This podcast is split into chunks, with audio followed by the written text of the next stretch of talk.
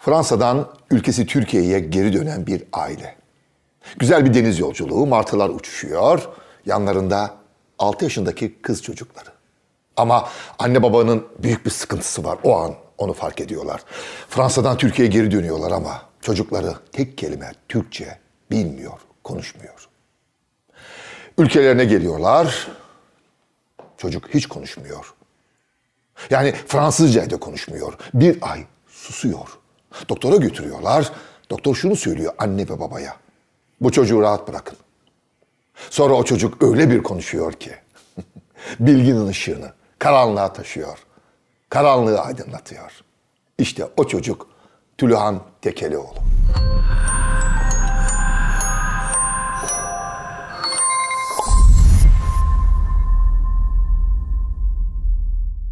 Hoş geldin sevgili Tülühan. Hoş bulduk. Deniz yolculuğuyla başladık. evet etkilendim. Gemiyle geldik. Hatırlıyor musun o deniz yolculuğunu, o gemilerle yapılan yolculuklar, o güverteler? O 6 yaşındaki Tülühan'a gidelim. Evet. Ben çok hayal kuran bir çocuktum bir kere ee, ve denizi çok severdim hala da öyle. Ee, zaten çok küçük yaşta yüzmeyi öğrenmişim ve denize çıkınca e, hiç durmadan işte kurduğum hayaller e, beni hep böyle masallara götürdü. E, annemle babam e, açıkçası annem hala onu söyler. Lütfen yeryüzüne iner misin der bana. Hala bu yaşta yeryüzüne Çok iner misin? Evet. Hep oralarda değil mi o masal dünyasında? Evet, evet. O gökyüzü ve deniz, o mavilik e, aynı zamanda ilham aldığım bir yer. Fransa'da doğdun. Fransa'da doğmuşum. Babanın görevinden dolayı mı? Evet, babam doktora tezini yapmaya Fransa'ya Çok önemli gitmiş. bir insan. Babadan söz edelim. E, biraz. babam mülkiyeli, 68 kuşağı, kemalist, son derece idealist. O mülkiye ruhuyla Yani Kemalist, anti-emperyalist, Anti-emperyalist. bağımsızlıktan yana demektir. Çünkü Aynen günümüzde öyle. ne yazık ki kirletilen bilgisizliğin sığ sularında hani aktüelitede bir politikacıya kızınca Kemalist deniyor ya. Halbuki Kemalizm bir dönem işgal yıllarında İstanbul'daki işgal güçlerinin karakollarının işkencehanelerinde yakalanan direnişçilere sorulan bir soruydu. Kemalist misin değil misin? Yani işgalden yana mısın, karşı mısın? Ee, baba e, Profesör Doktor Yavuz Tekelioğlu değil mi? Cumhuriyet'in yetiştirdiği en güzel insanlardan biri. evet idealist, Uzmanlık alanı e, ekonomi. Ekonomi, Evet, maliye bölümünden mezun. maliye ekonomi. Özellikle şu anda tarım ekonomisi değil mi? Evet, aynen. Üçüncülükle bitirmiş mülkiyeyi. Müthiş. Ee, aslında e, çok mazbut bir ailenin oğlu Ee, ve burs kazanıyor. Ee, burs kazanıyor. Üç seçeneği var. İşte e, İngiltere, Amerika ya da Fransa diyorlar. O da diyor ki demokrasinin beşiği Fransa'ya gitmek Çok güzel. istiyorum. E Çünkü literatür orada, müzeler orada, Aynen. bilgi birikimi orada. Ve Fransa'da e, en güzel konuşulan e, Fransızca turdaymış. Tura gidiyorlar. Turda annemle babam Fransızca öğrenmeye başlıyor. Bir yıl Fransızca öğreniyorlar. Ben orada doğuyorum. Hemen bu arada anneye aman aman Gülten. Evet, evet. Sevgili Gülten Tekelioğlu'nda Aynen. bu arada konuşalım. Ee, anne ne iş yapıyordu? Anne bu Annem arada- Selanik göçmeni, bir ailenin kızı. İşte e, Nevşehir'e geliyorlar, oradan Ankara'ya yerleşiyorlar. E, annem hukuk fakültesini kazanmış. Hukuk fakültesinde okurken e, anneannem sıkıntılar çekiyor e, ve annemi işten almak zorunda kalıyorlar. Annem bankacı oluyor o dönem E, ve babamla tanışıyor. E, büyük aşk, 68 kuşağı büyük Oy, oy, oy. aşkı. E, Ankara'da Gençlik Parkı'nda iki şahitli evleniyorlar. Anneannem köpürüyor tabii buna. E, ve e, anneannem bir ay sonra düğün yapılsın istiyor ve düğün yapılıyor. Ama bir ay bizimkiler gizli evli olarak e, Çok kalıyorlar. güzel. Ve kalkıyor o iki güzel insan Fransa'ya Fransa'ya gidiyor. Sen orada doğuyorsun. Ben orada doğuyorum. Hangi Evet. kentte? Nerede? Tur. Tur'da Tur- doğuyorum. Tur'da doğuyorsun. Evet. Çok güzel. Tur e, şatoların kentidir. E, ve işte geçtiğimiz yıllarda e, oğlum, ben, ailem hep birlikte oraya gittik. E, Ömer benim olan şaşırdı çünkü e, benim doğduğum klinik bir şatodan klinik yapılmış. Ya sen şatoda doğdun. ben şatoda doğmuşum çok. Bu yüzden mi acaba programa gelirken o oyuncağını getirdin? O prens, o harika. Yani ben Güzel çağrış. sevgili Tuluhan'dan gelirken şöyle unutamadığın, yanından ayıramadığın yıllardır çocukluğuna ait bir obje, bir şey varsa getir. O da tuttu. İşte bunu getirdi. Neden? Çünkü o şatoda doğmuş bir prenses. beyaz atlı prensimi getirdim. Bakar mısın? Çok güzel Hayattaki beyaz atlı prensimi hala arıyorum. Çok güzel. Tabii. Peki sevgili e, Tülhan, yani e, gazetecisin, evet. belgeselcisin, yazarsın. Birbirine güzel çalışmalar yapıyorsun. Toplumun hafızasını oluşturuyorsun. Ee, bütün bu çalışmalarına başlamak Yani edebiyat yazmak, gazetecilik diyeyim. Bu sevgi nerede düştü kalbine? Ee, açıkçası e, benim hayatta kahramanlarım vardır. Onlardan biri ailemden. Ee, teyzem. Teyzem e, Güzel. Özel bir kadındı çok. E, ben onun- Gülen Tungus. Evet, o dönemde onun bu kadar özel olduğunu bilmiyordum. İlk mektuplaşmalarımız e, onun e, İlerici Kadınlar Derneği kurucusudur. Aynı zamanda TKP üyesiydi ve ne yazık ki e, 80 yılını, 80 darbesini teyzemin içeri atılmasıyla anarım ben. E, 80 darbesi olduğunda kaç yaşındaydın sen? Dokuz yaşındaydım. 9 yaşındaydın. 9 yaşında bir kız çocuğusun. Teyzen, teyzen, teyze çok önemli. Evet. Cemal Süreya ne derdi biliyor musunuz? Candır, ikinci E, Türkçenin en güzel sözcüğüdür teyze. Teyzem, evet. Teyze. Peki e, teyze, e, Teyze müthiş. darbeden sonra Evet. düşüncelerinden dolayı, Dolayı, atılıyor e, ve iki nerede buçuk sene yatıyor? Mamak askeri of, cezaevinde en kötü kaldı. yerlerden birinde. Evet yani e, görüşmelerimiz e, son derece duygusaldı tabii ama teyzemin şöyle bir özelliği vardı. Bütün e, travmalardan e, mizah e, yaratırdı.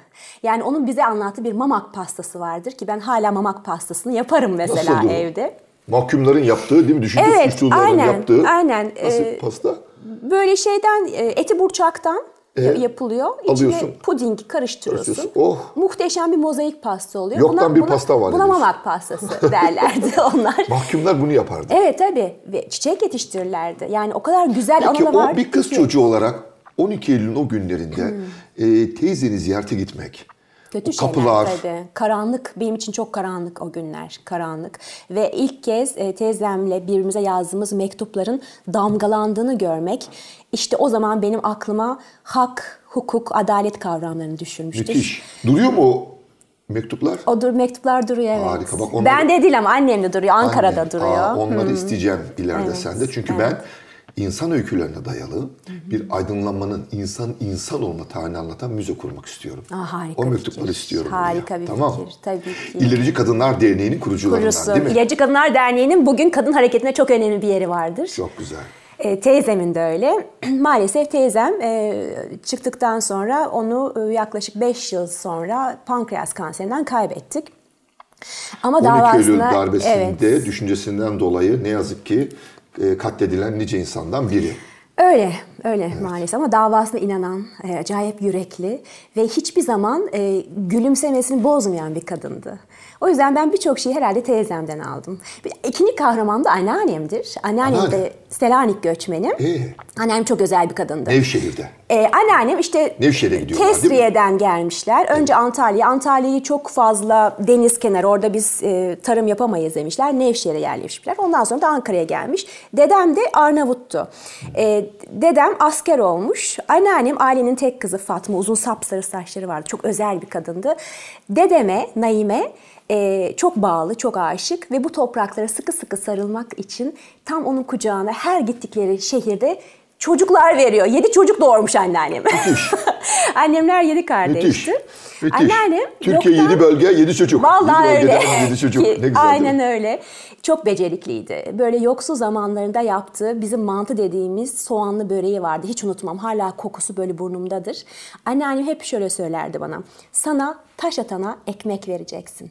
Şimdi ben o sözü 2013 Gezi olaylarına kadar ne anlama geldiğini çok anlamadım aslında. Ama Ne işte güzel, Gezi'den sonra çok iyi anladım. Çünkü o Anadolu'nun bilge ruhuydu değil mi? Kesinlikle Yani o öyle. sevgi, kardeşlik, barış. Tabii ki provoke etmek isteyenler, tabii ki e, şiddet. Bunları ayrı tutuyoruz. Ne yazık ki bu hayatta şu anda biz burada konuşurken trafikte bile var yani.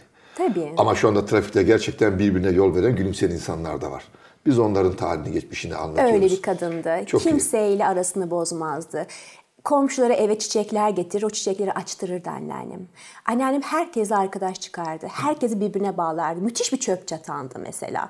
Yani mahallede tanınırdı. Yani der- derdim ki anneanne sen biraz daha okusaydın herhalde Cumhurbaşkanı falan olabilirdin. Cumhurbaşkanıyla bile akraba çıkardı anneannem. Herkese akraba çıkabilme özelliği vardı. Böyle bir kadındı. Harika. Anneannem ikinci bir sözü daha vardı. Engeller e, takılmak için değil aşılmak içindir derdi. Bu da çok değerli bir laftı. ben o yüzden çocukluğumdan itibaren o engelleri hiçbir zaman böyle bir kötü engel olarak görmedim. Hep macera olarak gördüm. Harika. Evet. Peki Fransa'da doğduğun çocukluk yılların 6 yaşına kadar oraya ait deniz yolculuğuyla Türkiye'ye geldin ama Konuşmuyorsun. Türkçe bilmiyorsun. Bunu nasıl açtın? Ya bizimkiler hep benimle Türkçe konuşmuş evde. Ben onlara hep Fransızca cevap vermişim. Annemle babam bunu deniz yolculuğunda fark ediyor. Türkiye'ye dönerken bir bakıyorlar. Bana, bana Türkçe konuşuyorlar. Ben e, Fransızca cevap veriyorum. Ondan sonra diyorlar ki "Aa, Türkçe konuş. ben susuyorum. Türkçe konuş diyorlar bana. Ben Türkçeyi sökmemişim yani. Hep Fransızca. E çünkü bütün okul arkadaşların her, Fransızca Herkes konuşuyor. Fransız. Sonra Türkiye'ye gelince tabii susmuşum tavır koyarak. Evet. Tam anlamıyla susmuşum yani. Ciddi bir suskunluk. O suskunluk işte doktora götürüyorlar vesaire. Ee, sonra bir ay sonra geçiyor ve ondan sonra çok hızlı Türkçe öğreniyorum tabii. Ankara'dasın. O zaman e, okul hayatın Ankara'da başladın. Evet Ankara'da başladım. Ama e, Fransız okuluna da devam ediyorsun. Oraya da gidiyorum. Fransızcam bu sefer Ankara'da diye. Öğleye kadar Fransız okuluna gidiyorsun. Ya sorma Sunay evet. Öğleden sonra Türkçe okula gidiyorsun. Ciddi bir bana Bunu sorumluluk nasıl başardın yani? Gerçekten o yaşta bir çocuk. Evet yani. Ay iki okulun ödevleri, iki okulun çantası, iki okulun farklı e, eğitim sistemi, iki okulun farklı Her şey hocaları, farklı. her şey farklı. Yani kafam tam anlamıyla böyle karma karışık olmuştu onu söyleyebilirim. Yani bir yandan işte e, Darwin teorisini öğretiyorlar ilkokul 5'te Fransız okulunda. Öteki yandan e, din, din dersinde e, Havva Adem'in kaburga kemiğinden yaratıldı diyorsa. Hadi bakalım çocuk bunları çözsün şimdi. Vallahi ama Hangisini nereye renkli oldu. koyacaksın? Çekmecelerde neyin nereye koyacaksın? Tabii bu benim ama insanı tanıma ve iş- Çok güzel. insanla ilk e, bağımdır. Çünkü hem Fransız okulunda farklı milletlerden arkadaşlarım vardı. Çok- çok kültürlü, Türk okulunda çok da güzel bir kapıcı, şey kapıcı aslında? çocukların da arkadaş yani Ne onlarla güzel. da arkadaştım. Öyle bizim zamanımızda bir kutuplaşma falan yoktu. Yoktu bir ayrışma yoktu Sokakta değil mi? oynamak Öğrenciler vardı. arasında. Tabii ki yani. Toplum bu kadar kırılmamıştı. Hiç kırılmamıştı. O yüzden biz çok zengin bir ortamda büyüdük. Ee, Tülyahan sık sık disiplin kuruluna gidiyordu okullarda. evet.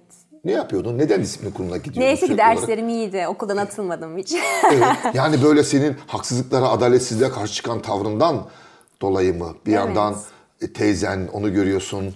Yani okulda yani bir e, disipline teyzen karşı gibi ha? bir tutumum var. Yani, yani haksız disiplin, haksız e, hareketler, e, onlara karşı hep bir e, baş kaldıran bir ruhum vardı hep. O biraz başıma dert açtı tabii çocukken ama neyse ki tatlı bir tarafım da vardı. Böyle hemen e, güler yüzümü görüp tamam hadi bir dahaki sefere anlayışla karşılıyoruz falan diye. Oysa benim on, ben onları anlayışla karşılıyordum yani. Saçma sapan şeyler yapıyordu hocalar ve tabii sinirleniyordum o çocuk ruhumla. Ve- baş kaldırıyordum. E, bir yazar olmak, gazeteci olmak yani böyle çok tercih edilen bir şey değil. Evet. E, bizim zamanımızda da aslında öyleydi. Tamam ya- yani basının saygın olduğu dönemde bile aman evladım bırak gazeteci ol başın derde gider. Aman evladım vurulursun öldürülürsün seni hapse atarlar. Evet. Çok böyle anne babaların çocukların okuması istediği bir alan değildi. Sende nasıl oldu peki? Anne baba nasıl yaklaştı gazeteci olmak isteyince? İnat ettim. Bende bir Arnavut inadı var. Hmm, güzel. o inadıma bir şey yapamadım. Babam şunu söylemiştir. Ee, ben İstanbul'u hiç tanımıyordum. Hiç tanımıyordum İstanbul'u. Ankaralı bir aileyiz. İşte e, iki bavulla geldim İstanbul'a. Babam dedi ki bir hafta sonra dönersin. 24 sene olmuş. evet, e, dönmedim. Dönmedim ama e, tabii ki buradaki zorluklarla tek başıma mücadele ettim. Ama o kadar tutkuluydum ki mesleğime. Gerçekten çok sevdim gazeteci. Ama gazeteciliği Ankara'da okudun değil mi? Ankara'da okudum evet. Ankara'da okudun. Ankara Baba istemedi. Anne İstemedi. O, o sene çok şanslıydım çünkü bizimkiler yine Fransa'ya gittiler. Ben lise sonu anneannemle birlikte tek başıma kalarak e, okudum. Ve iyi. o yıl tercihimin hemen e, işte ilk tercihlerimde Ankara Üniversitesi vardı. İletişim Fakültesi. Hemen yazdım tabii bizimkilerin haberi yoktu ve kazandım. onlardan habersiz Habersiz. iletişime girdin. Evet. Ee, çok değerli bilim insanları, gazeteciler, yazarlar geliyordu derslere. Evet. Onlardan söz edelim. Ya Örneğin evet, çok özel e, insanlar. Ahmet Taner. Kışlalı. Evet. Çok özel bir insandı. Nasıldı hoca derste? Onun ilk gördüğün dersi hatırlıyor musun? Ya çok güzel bir şey söylemişti. Çocuklar demişti bir ülkenin medeni olduğunu e, üç kriterle anlarsınız. Yani o ülkede demokrasi var mı yok mu? Çok kolaydır. Birincisi kaldırımların yüksekliği. İkincisi meydanların fazlalığı. Üçüncüsü de umumi tuvaletlerin temizliği. Çok güzel. Böyle demişti. Çok doğru ama. Gerçekten bir, ara, öyleymiş. bir arada yaşama kültürünü Tabii. anlatmaya ne kadar çok meydan ölçüleri, varsa o ne kadar, çok, insan var. Kaldırımlar ne kadar düzgün, Tabii yüksek alçaksa değilse. tabii mesela engeller de o kaldırımları kullanabiliyor. Kaldırımların alçaklığı medeniyetin temsilidir demişti Ahmet Taner. Ben İstanbul Oyuncak Müzesi'nin bulunduğu Doktor Zeki Zeren Sokağı'nın yeniden müzeyi aç- açarken Kadıköy Belediyesi çok sağ olsun yeniden düzenlerken kaldırım koydurtmadım biliyor musun? Ya Dümdüz. Her iki tarafta sadece çizgi bant. Bunu Japonya'da görmüştüm. Çünkü Japonya'da pek çok kentte kaldırım yok. Evet. Çizgiler var. Ve hiçbir otomobil lastiğini o çizgiye koymuyor park ederken. Çıkmıyor değil mi o tarafa? Mümkün değil. Biz o yüksek kaldırımlara çıkıyor Mümkün değil. otomobiller. Polis yok, bir şey yok, hiç gerek yok. Bir arada yaşama kültürü, demokrasi kültürü. Ahmet Taner Kışlalı Hoca çok doğru söylemiş. Evet, bunu. Peki başka derse gelenlerden? Mümtaz Hoca, Mümtaz Oo, Soysal. Mümtaz Sosyal, müthiş. O da biraz çılgındı. Müthiş. ne, ne hoca ama değil mi? Evet yani, ha? çok çok özel. Bizim e, ilk kez e, bütün kitaplar açık sınavı onun dersinde, e, onun sınavında Kitaplar açık. Hepsi kitaplar açık. Karşılaştırma hukuk soruyor. Birinci sınıf öğrencisiyiz. Ama bütün anayasa kitapları açık önümüzde. Yani anayasalar açık. Böyle yapıyordu bize sınavları. E, müthiş bir hocaydı tabii yani. E, şiirsel anlatırdı dersleri. Bir gün çok sinirlenmişti. Yukarıdan müzik geliyordu. Ee, radyo var. Gitti. Hiçbir şey söylemedi bize. Yukarı çıktı. iki kat yukarıdaydı. Çıktı. Biz takım sesler duyduk. Bir şeyleri parçalamış. Geldi dersine devam etti. Çok güzel. Böyleydi. Peki yine derse gelenler Uğur Mumcu. evet. Evet. Nasıl Uğur Mumcu'yu ilk ders hatırlıyor musun? Nasıldı Uğur Mumcu derslerde? Ee, bi- biraz sert gözükürdü ama e, son derece e, yu- yumuşacık bir kalbi vardı. E, ve çocuklar derdi, siz iletişim fakültesi öğrencisi olsanız dahi mutlaka hukuku bilmeniz lazım. Her insanın, sokaktaki insanın bile hukuku bilmesi lazım derdi. Çok çok değerli bir insan tabii ben onun öldürüldüğü gün yani bir ay falan ağladım. Yani çok çok çok acı Yani Cumhuriyet'in kazandırdığı en değerli insanlar, aydınlarımız. Çok şanslıydık. Onların e, Onların öğrencisi olma şansına eriştik. Evet, öğrencisi çok olarak. şanslıyım. Yani o zaman sen e, iletişim fakültesini bir lisans öğrencisi değil, doktor öğrencisi olarak Gibi sanki evet. tamamladın. evet, yani evet, o evet. insanlardan ders almak kimse kusura bakmasın ama yani bugünkü günümüz eğitim koşullarına göre doktora yapmakla eşit olarak görüyorum ben. Aynen mesela böyle fotoğraf çekerdik. Fotoğrafçılık tutkumuz vardı. Cüneyt Özdemir'de sınıf arkadaşım benim. Mesela Cüneyt benim portremle ilk e, ödülünü kazanmıştır. Seda Simavi Hadi, ödülünü aa, kazanmıştır. çok ilginç. Tabii evet yani bayağı ciddi bir şekilde yaptığımız işleri de gösterirdik orada. Yani hepimiz e, o dönem zaten e, iyi öğrenciler çıktı bizim e, dönemden. Yani e, kimler vardı mesela? E, işte e, Cüneyt vardı, Serdar Cebe vardı, Tuğba Atav vardı. E, bayağı bir Mithat Bereket. Gürel vardı. Mithat hemen yan okuldaydı tabii. tabii, Mülkiye'dendi. Mithat da benim gazeteci olmamı sağlayan kişidir. Tabii çok değerli bir insan Çok, değil çok mi da? özeldir. Yani- Siz gerçekten güzel yetişmişsiniz. Evet. O e, Mithat hocalarınızdan sayesinde ben dolayı. namaz kılmayı öğrendim. Hadi Evet. çok güzel. Çok o mu öğretti? Çok ilginç. Mithat bana namaz kılmayı öğretti. Ee, şöyle e, ben tabii kendimi ispatlamak için önce Sipa Press'te gazetecilik yapmaya başladım Paris'te. Ve e, orada aynı zamanda foto muhabiriyiz. Hem gazetecilik yapıyoruz hem de yaptığımız e, haberi fotoğraflıyoruz. E, İsrail'e gittim. Tam Ebron katliamı olmuş. E, Mithat da orada. Mithat dedi ki ben gitmek zorundayım. Sen dedi ilk intifadayı çekebilirsin burada. El Aksa Camii'ne gir.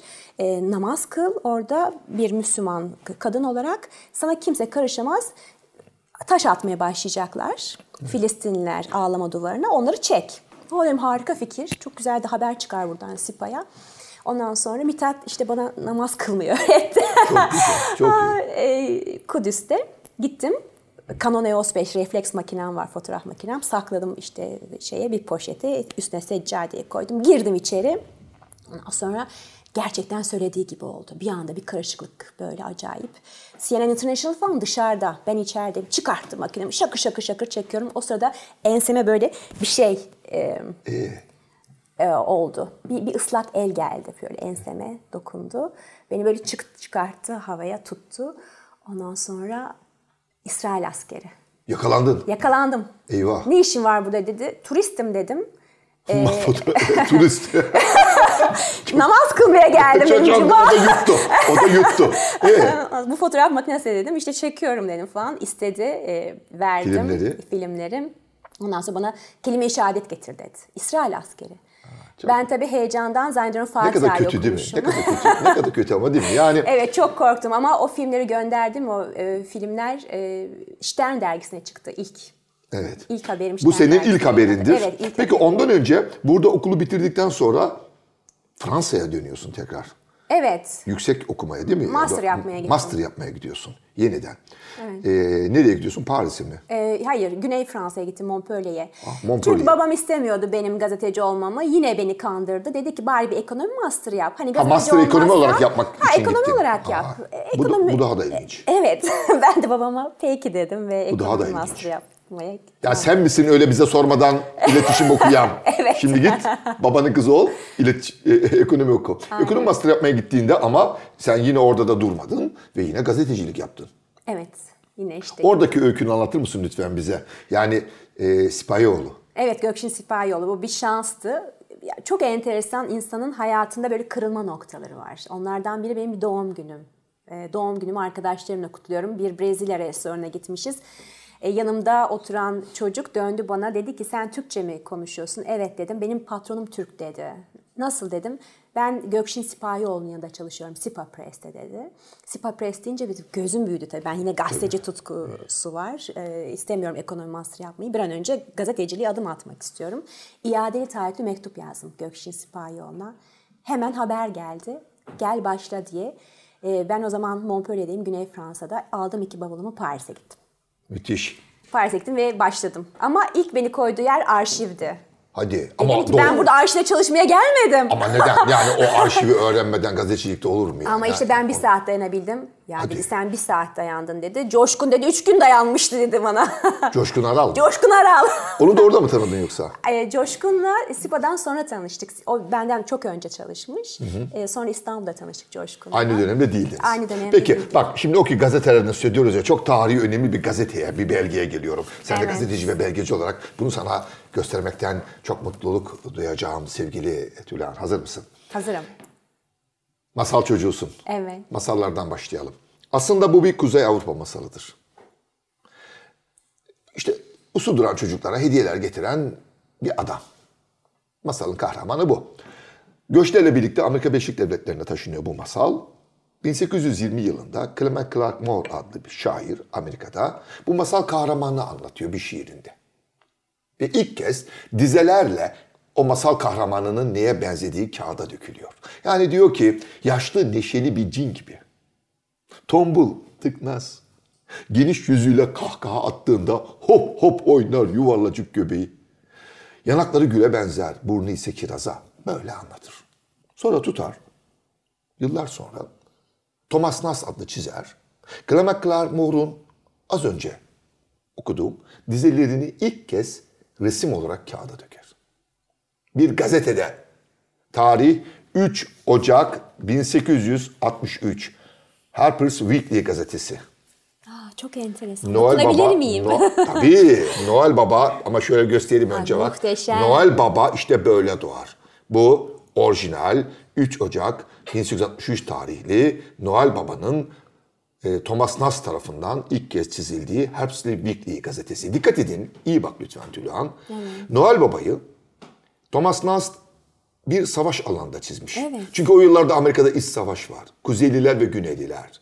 Kuzeyliler köleliğin kalkmasını istiyor. Güneyliler hayır diyor. Kölelik kalkamaz. Neden? Çünkü Afrika'dan getirilen insanların köleleştirildiği pamuk tarlaları güneydi.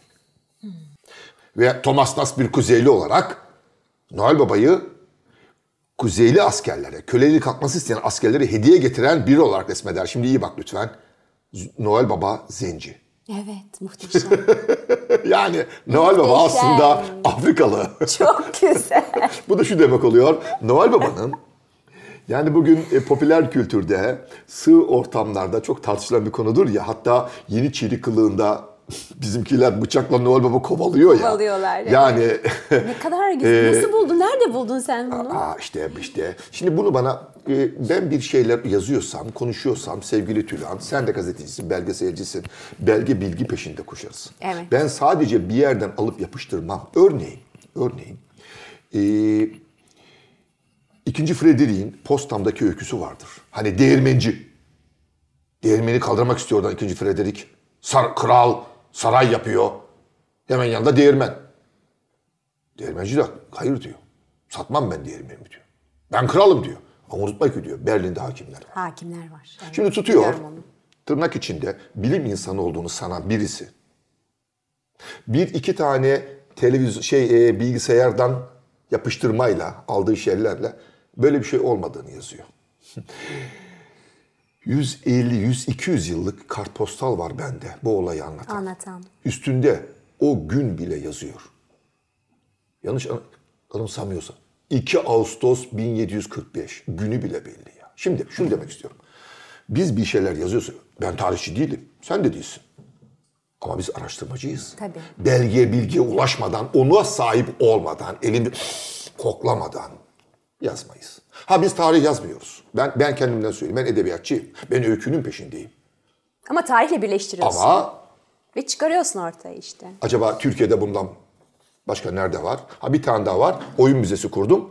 Muhteşem. Bir tane de buldum oraya koydum. İşte buyurun. Yani Noel Baba bir masal kahramanıdır. İlk kez şiirde betimlenmiştir ve bir gazetede Thomas Nast tarafından az önce öyküsünü anlattım. Ee, Kuzey-Güney Savaşı'nda e, Afrikalı olarak resmedilmiştir. Paha biçilmez. Bir yılbaşı hediyesi olabilir bu mesela. Ya nasıl ama? Sana Bak yılbaşı hediyesi olarak mı geldi? Ya hayır bunu bu- mu? yıllardır tabii yıllardır Öyle ben mi? ben bunu gizliyorum. Bak şimdi çok dikkat edelim. Bak şimdi bu yüzeysel tartışmaları yani bence yüzeysel hani Noel Baba diyeyim ya geç bunları. Biz işte gerçek burada. Şimdi bak dikkat edelim. Afrika olarak çizilen Noel Baba'nın elinde bir kukla var. Rica ediyorum şunu biraz da yakından çekebilir miyiz? Hemen parmağın ucunda bak dikkat et. Bu ipleri çekilen, kolları bacakları iple hareket eden bir kukla. Hala var bu. Dikkat et. Sıradan bir yüzü yok. Kim o biliyor musun? Jefferson Davis, Güneylilerin lideri. Lideri. Hmm. Thomas Nast, köleliğin kalkmasını isteyen Kuzeyli askerlere moral olsun diye çizdiği bu Noel Baba resminde köleliği savunan Güneylilerin liderini Afrikalı olarak resmettiği Noel Baba'nın eline kukla olarak vermiş. İşte size Vay. yılbaşı Noel Baba gerçeği. Buyurun. Buyurun. İşte bak dokunabilirsin şimdi. Dokun bakalım. Teşekkür ederim. Ve bu gazeteci, araştırmacı Evet. gazeteci, belgeselci Harika, Bülent Tekelioğlu'nun ellerinde. güzel. Nasıl ama? Çok Müthiş bir anlamlı. tarihe dokunuyorsun değil mi? 150 ile aşkın Evet. bir gerçek. Peki evet şimdi sen e, Paris'tesin. E, Gökçin Sipahioğlu o ünlü gazetecinin yanında arşivi kabul etmedin. Bir saat Arşivi durdun. kabul etmedim. Bir Son- saat demeyelim tabii yarım gün durdum. ben buraya arşivde durmaya gelmedim dedim. Ve hemen tabii e, habere atıldım. O zaman güle güle kızım demedi mi yani? Demedi. E, çok sevdi bu benim bu tavrımı. Yani gerçekten bu işi yapmak istediğimi sevdi. E, ve o zaman e, babamın eski bir fotoğraf makinesiyle gitmiştim ben oraya. Çünkü mutlaka bir fotoğraf makinesi kullanmanız lazımdı o dönemde. Fotojurnalizm deniyordu buna. Evet. Gazeteci olmak için fotoğrafı da çok iyi Çok iyi bilmek bilmek lazım. gerekiyordu. Ee, Top Gun makinesiyle babamın. Bu dedi bununla dedi sen yapamazsın dedi. Yani bu olmaz dedi. Daha sonra e, bana bir e, fotoğraf makinesi hediye ettiler SIPA olarak. İşte Canon EOS 5'ti o. Göze göre ayar yapıyor. Muhteşem bir makineydi. Son refleks makinelerden bir tanesiydi. Kameralardan bir tanesiydi. Daha sonra dijitale döndü tabii. Ee, daha sonra yaptığım ikinci haberde 1 Mayıs'taki e, Türk işçi çocuklarının yüzündeki e, şeyleri çekmiştim. Çiçekleri, güzel o ifadeleri, o çocukların barış mesajlarını. E, onunla da e, yine e, haberim kabul edilmişti SİPA'ya.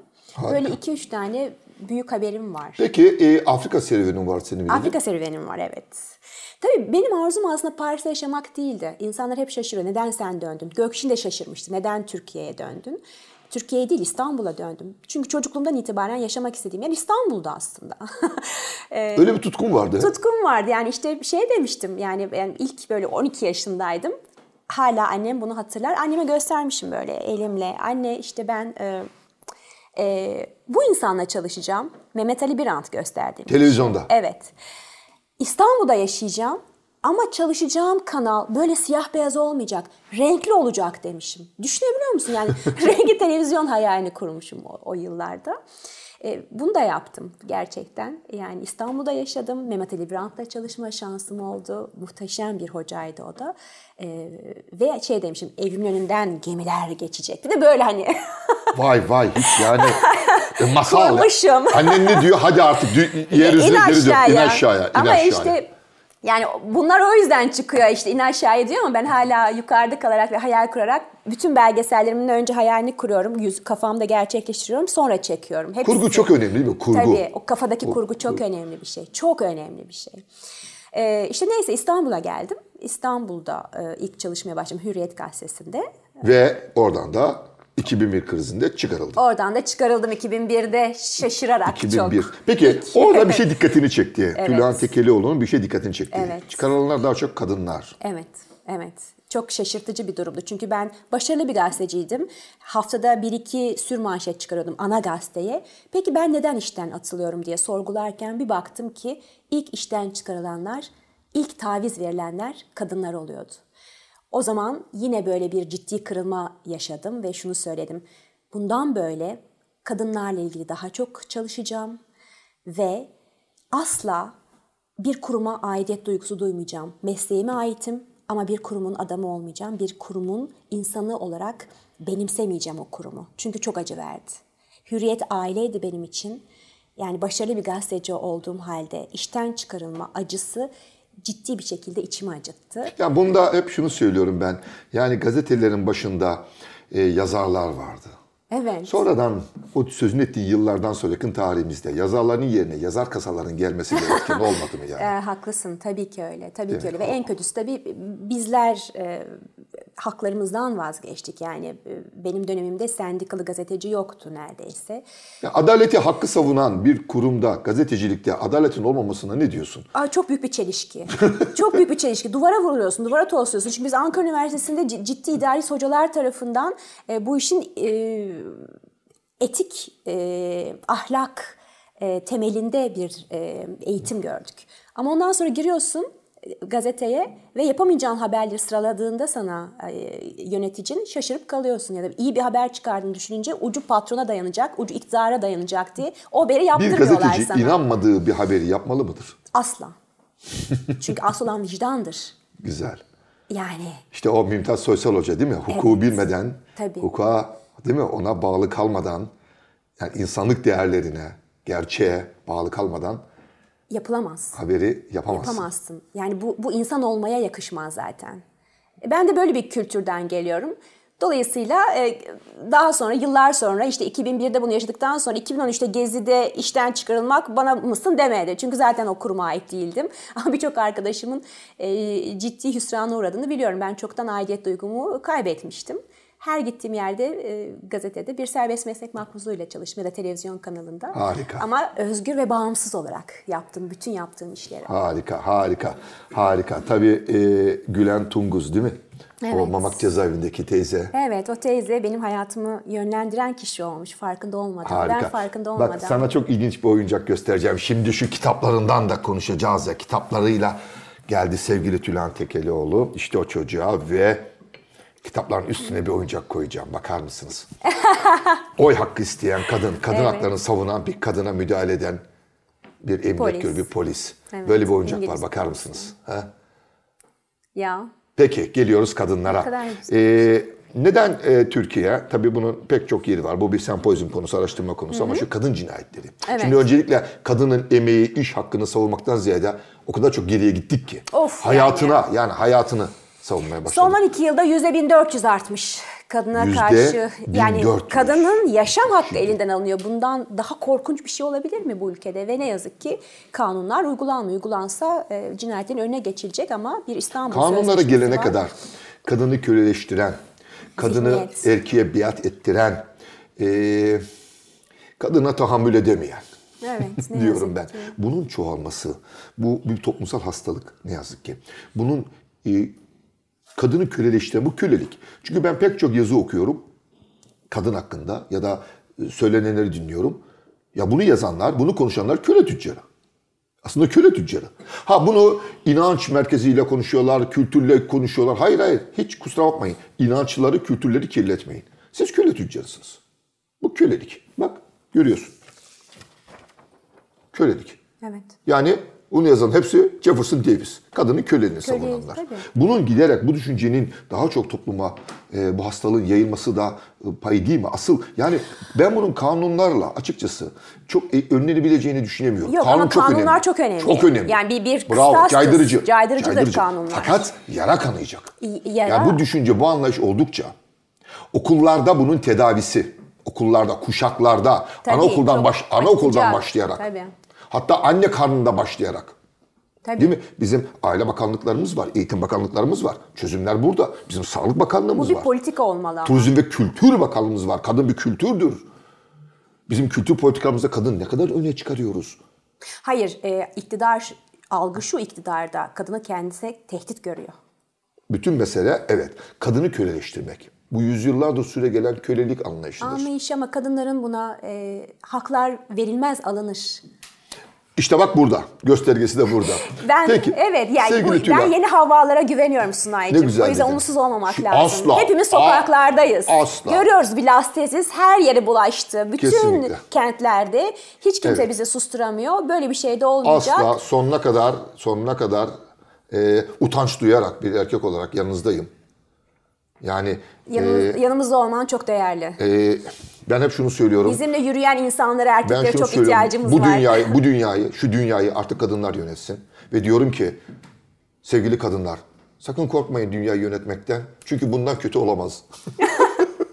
evet, şimdi senin kitapların kadın varsa imkansız yok. Evet. Yapabilirsin. Müthiş Yapabiliriz, bir buna yürekle belgesel bu. Evet, belgesel. Kitabı da harika. Evet. Kadınlarımız var bu kitapta ki yani bizim hafızamız, e, güzelliğimiz. Böyle bir e, çalışmayı yapmak hiç kolay olmasa gerek. Hiç kolay. Anadolu'nun dört bir ya yedi ikliminden Evet. kadınları dokuz bir kadın. araya getirdin. 7 iklimden 9 kadın. Kolay olmayan şey sponsor bulmak. Yani sahada saha beni çok mutlu ediyor. Sahada e, bütün yollar açılıyor önüme bir belgesel Orada karar özgürsün. verdiğim zaman. Orada özgürüm ve orada gerçekten Anadolu insanı çok e, misafirperver. Yani harika şeyler oluyor. Yani belgesel çekmeye başladığımızda e, ben oradan bütün verimi alıyorum. Asıl mesele sahaya çıkmadan önceki sponsor aşaması. Onu sen de yaşıyorsundur. Ya bana Maalesef. her defasında sponsorlar şöyle söylüyorlar. Ne işimize yarayacak? Ben de diyorum ki onlara vergiden düşeceksiniz. Anlayacağı o. Öncelikle vergiden düşeceksiniz diyorum. Değil Ama o. ondan sonra çok mutlu oluyorlar çünkü e, değiyor. Onlara da değiyor. Güzel. Onlar da prestij kazanıyorlar bu işlerle. E, ve e, her defasında e, sponsor da mutlu oluyor. E, ihya oluyor onu söyleyeyim. Yapabilirsin çok güçlü bir kelime. Yapabilirsin dediğimiz anda beynimizdeki milyonlarca sinir hücresi o hedefe doğru yönleniyormuş. O işi yapabilmek Moral için. güç değil mi? Büyük bir moral güç. Hasta yataktan kaldırıyor. Tabii ki öyle. Yani yapabilir, yapamazsın dediğin andaki durumu düşün. Yapamazsın. Nasıl seni aşağıya çekiyor değil mi? Ama yapabilirsin dediğin anda yükseliyorsun bir kere.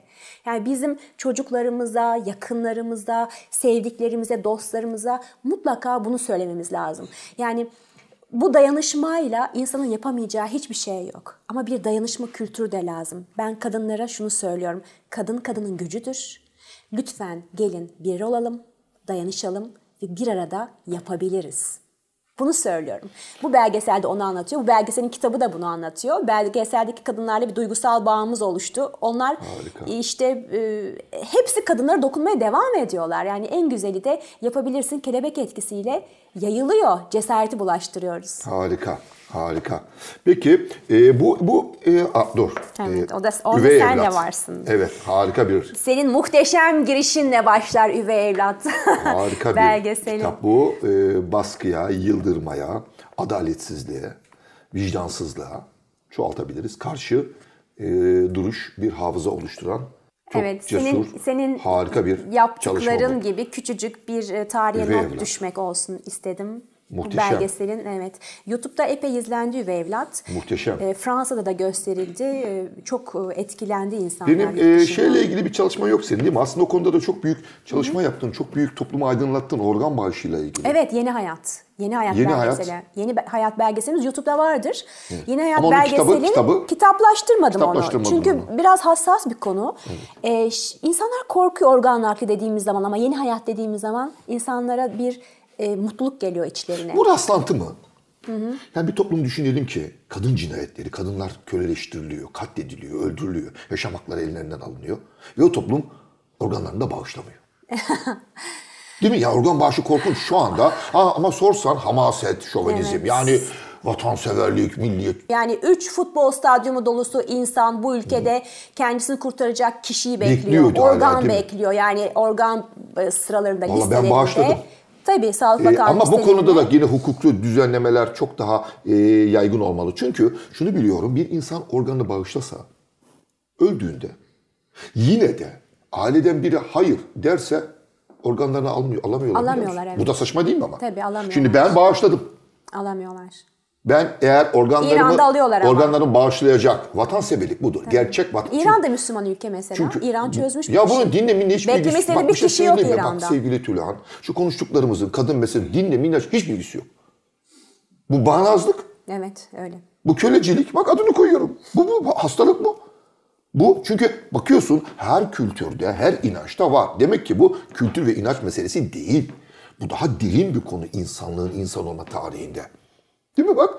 İran Müslüman bağışlıyor. E demek ki bu din meselesi değil. Başka bir şey bu. Başka bir şey bu. Yani sorun orada değil, sorun başka bir yerde. İnsanın tarihinde başka bir noktada çözüm aramalıyız. Dolayısıyla e, Peki nasıl geldik bu noktaya? Yani Mustafa Kemal'in yarattığı Türkiye Cumhuriyeti'nin o güzel parlak günlerinden bu noktaya nasıl geldik? Bu bu, bu çürüme, bu yozlaşma, bu çünkü her yeni, nasıl çünkü oldu? her yeni, her yeni içinde karşısında barındırıyor aslında. Yani Neden çoğunluk oldu? Zıtların, zıtların. Kötülük Ha, neden çoğunluk oldu? Yakın çağımızda tamamıyla dengelerin bozulması. Çünkü dünyada bir denge vardı. Bak 60'lı yıllarda yine roketler ateşleniyordu. Ama gökyüzüne atıyorlardı. Değil mi? 60'da düşünsene. Gökyüzüne doğru. Dünyada, Rusya'dan da Amerika'dan da gökyüzüne doğru. ne güzel. Bugün birbirinin üstüne atıyorlar. Artık dünya yeni bir paylaşım içerisinde. Ee, birinci Dünya Savaşı diyoruz ama Dünya Savaşı demeye korkuyoruz. Ki birinci ve Dünya Savaşı'ndan öldürülen, katledilen daha çok insan öldü Ölüyor. yakın tarihimizde. Ölüyorlar. hala. Ölüyorlar. Ve biz buna Dünya Savaşı demiyoruz. Böyle bir süreçten geçiyoruz.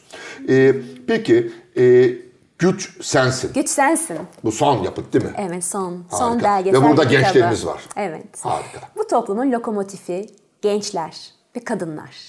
Bu ülke gençleri unutursa hiçbir şekilde ileri gidemez. Bunu anlatıyorum. Ee, ve- ve bunu onların dilinden anlatıyorum. Kahramanlarımız 15 ila 20 yaş arasında 8 genç. Bambaşka aile yapılarında büyümüşler. Bambaşka şehirlerde oturuyorlar. Bambaşka kültürlerden geliyorlar. Ama, Ama insan. İnsanlar. Güzel. Ve biz galada buluştuk onlarla. Onların böyle giyiminden, e, davranışlarından, tavırlarından gördüm ki e, o galada buluşmamızda aynı zamanda ben iyi bir seçim yapmışım gerçekten. Yani günümüzün bu hani e, hiçbir şekilde her şeyi isteyen şımarık çocuklarından değil onlar. Onlara ben organik gençler diyorum. Çok güzel. Çok özel gençler. E, gerçekten işlerindeki güce sarılıp hayal kurup hayallerinin peşinden gitmeyi başarmışlar. Bu çok değerli bir şey. Bazıları bunun farkında bile değil. 15 yaşında ama hayal kurmuş. Onlardan bir tanesi iki kolu olmayan bir kız çocuğu. 15 yaşında e, şu an bize en büyük madalyayı getiren yüzmedeki tek sporcumuz. Bir ayağı diğerinden kısa, Sümeyye iki kolu yok. Sümeyye Boyacı. Sevgili Sümeyye Boyacı Evet. müthiş. Ya onlardan biri mesela bir trambolinde dünya şampiyonu olmuş. Doğukan Büyükaslan. Ne kadar yükseğe zıplarsam o kadar korkularım azaldı diyor. Düşünebiliyor musun? Mardinli Şehmus 9 yaşında öğretmeni hayatını değiştirmiş. 9 yaşında Mardin'den İstanbul'a geliyor Darüşşafaka'ya. Ve Darüşşafaka'da robot takımında e, takımın lideri oluyor. Çin'e gidiyor. Çin'deki öğrencilere robot nasıl yapılır bunu öğretiyor. Mardinli Şehmus. yani muhteşem gençler Hep şunu onlar. söylüyorum. Yani bir ülkenin zenginliği hisse senetleri değil, hissi senetleridir. Kesinlikle öyle. Sen hissi senetlerimizi güçlendiriyorsun. Hissi senetlerimize değer kazandırıyorsun bütün yaptıklarınla. Ben onları önemsiyorum çünkü. Yani bu yolculuktan çok şey öğreniyorum. Bu işi yapmış olmak önemli değil. O yolculukta onları Bir tanımak arada yaşama önemli. kültürü. Evet. Hümanizma, insan olma, barış, kardeşlik. Değerli şeyler bunlar. Ya bu değerleri yani birilerinin böyle saldırdığı, daha doğrusu emperyalizmin sürekli olarak e, parçalamaya çalıştığı, yok etmeye çalıştığı, çünkü onları parçalayarak beslenir. Değerleri sen güçlendirmek için uzun süredir Çabalıyoruz. emek veriyorsun bir kadın olarak sevgili Ne güzel ama siz- iyi ki senin varsın. de desteğinle İyi Sunay. ki varsın. İyi ki varsın. Sen de iyi ki varsın. Ben aydınlanma yolunda bilginin ışığını, insanın insan olma ışığını karanlığa taşıyan herkese elimden geldiğince yardım etmeye çalışıyorum. Şimdi biraz gülelim mi? Bak Evet. sana müthiş 150 yıllık antika bir oyuncak getirdim. Daha da eski belki. Bir otomat. Bu bir masal. Masal kızına, masalları seven kıza bir oyuncak. Bakar mısınız? Bir otomat. Nasıl? Bir masal. Masal şöyle. Çok tatlı. Masal şöyle. Ee, insanlar, erkekler yaşlanıyorlar. Ee, kadınları da yaşlanıyor, eşleri de yaşlanıyor. Kadınları güzelleşsin, gençleşsin diye onları sihirli bir değirmene götürüyorlar. Oo. Evet. Buna hepimizin ihtiyacı Yaşlı var. erkek, evet. ve ve ve işte bak bu onu anlatıyor ve orada yaşlı kadınlar değirmene giriyorlar, genç kız olarak çıkıyorlar. Ama bu kez erkekleri beğenmiyorlar. Nasıl? Bak bak çok güzel değil mi? Bayıldım. Bak bak onu anlatan bir otomat. Nereden buldun bunu? Bunu Zürih'ten, Zürih'ten bir antikacıdan almıştım. Harika. Zürih'ten bakar mısın ama nasıl? Çok tatlı 150 ya. ile aşkın süredir var olan bir oyuncak. Bir mesele bu. mesele değil mi? Mü- müthiş mesele. Yani Tabii, müthiş hep var bu mesele. mesele. Bakar mısınız? Harika meydan renkleri. okumak.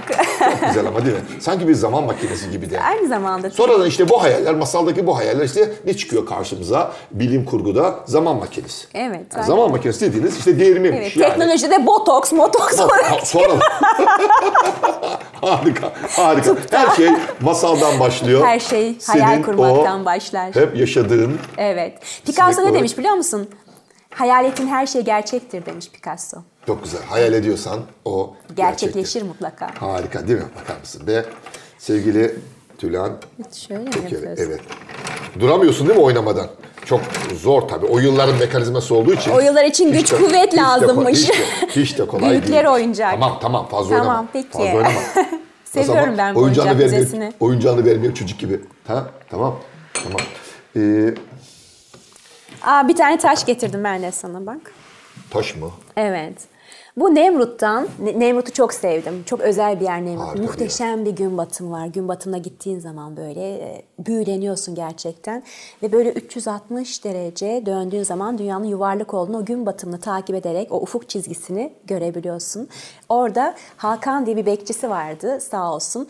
Yapabilirsin belgeselimizi çekmeye gittiğimiz zaman Adıyaman'da e, bana bu taşı verdi. Dedi ki bu aragonit taştır dedi. Dünyanın ilk e, oluşumunda var olan taş ve bu dedi geçmiş şifası yapar. Aragonit taş. Çok özel değil mi? Çok güzel değil mi? Harika. Yani ben ne zaman taş görsem Can Yücel gelir aklıma. Aslında çok eski bir şiir. Antik döneme ait bir şiir diye bilinir. Oysa hayır onu Can Yücel yazmıştır baskı zorbalık dönemlerinde. Hayal meyal anımsıyorum. Köpek var, taş yok. Taş yok, köpek var. Köpek var, taş var. Sıkıysa at taşı, kralın köpek. Çok tatlı. Bu böyle e, e, eski Yunan şiiri olarak bilinir. Oysa hayır, Can Yücel'indir o şiir. Ne zaman taş görsem, düşünsenize, hep aklıma bu gelir ya. Harika. Ya asıl sana komik bir şey söyleyeyim. Şimdi Güç Sensin'in belgeseli bir cümleyle başlar. Açılmamış kanatların büyüklüğü bilinmez. Çok güzel. Bu kitabın içinde de var. Bu André Gide'e ait. Anladım. E, e, Şimdi dinle. Strasbourg'a filmimiz davet edildi. Yakında Strasbourg Film Festivali'ne gidiyorum ve ben filmi Fransızca'ya tercüme ediyorum altyazıda. Tercüme eden kişi Evet. André Gide'in bu sözünü bir türlü bulamadı. Bu nasıl olur dedim. André Gide diyor işte Google'ladık vesaire. André Gide'in böyle bir sözü yok. Biz icat etmişiz ve André Gide demişiz ama Türkiye'de. mutlaka birine aittir. Yani o söz O kadar o kadar komik çok bilgi ki. karışıklığı şu sosyal medyada var ki. Çok matrak yani. Maalesef, o çok Bilemedim. ilginç bu da. Evet, evet sorma yani. Ama bak- Bunu da ben açıklamış olayım. Akgün Akova'nın sözüdür. Bunu kullanabilirsin. Bir çift kanat bir altın madeninden daha değerlidir. Değerlidir. Harikaymış. Çok güzel. Gemi yolculuğuyla, deniz yoluyla Fransa'dan gelen bir aile ülkesine yerleşecek. 6 yaşında kız çocukları güvertede. Şunu fark ediyorlar o yolculukta. O çocuk Türkçe hiç konuşmuyor. Telaşlanıyorlar. Bizim kızımız Türkiye'de yaşayacak ama dil bilmeden nasıl olur? O çocuk Türkçe öğreniyor. O çocuk öğrendiği Türkçeyle bize adaleti, vicdanı, insanlığı, sevgiyi, barışı, kardeşliği öğretiyor. O çocuk, işte o çocuk, gazeteci, araştırmacı, yazar Tülhan Tekelioğlu. Çok teşekkür ederim. Ben çok teşekkür ederim. Çok çok etkileyiciydi. Sağ ol Sunay'cığım. İyi ki varsın sevgili Tülhan. Kalbime dokundun Işığınla karanlığı aydınlatmaya devam lütfen. Hep birlikte yapacağız. Yapmaya devam ediyoruz. Umut.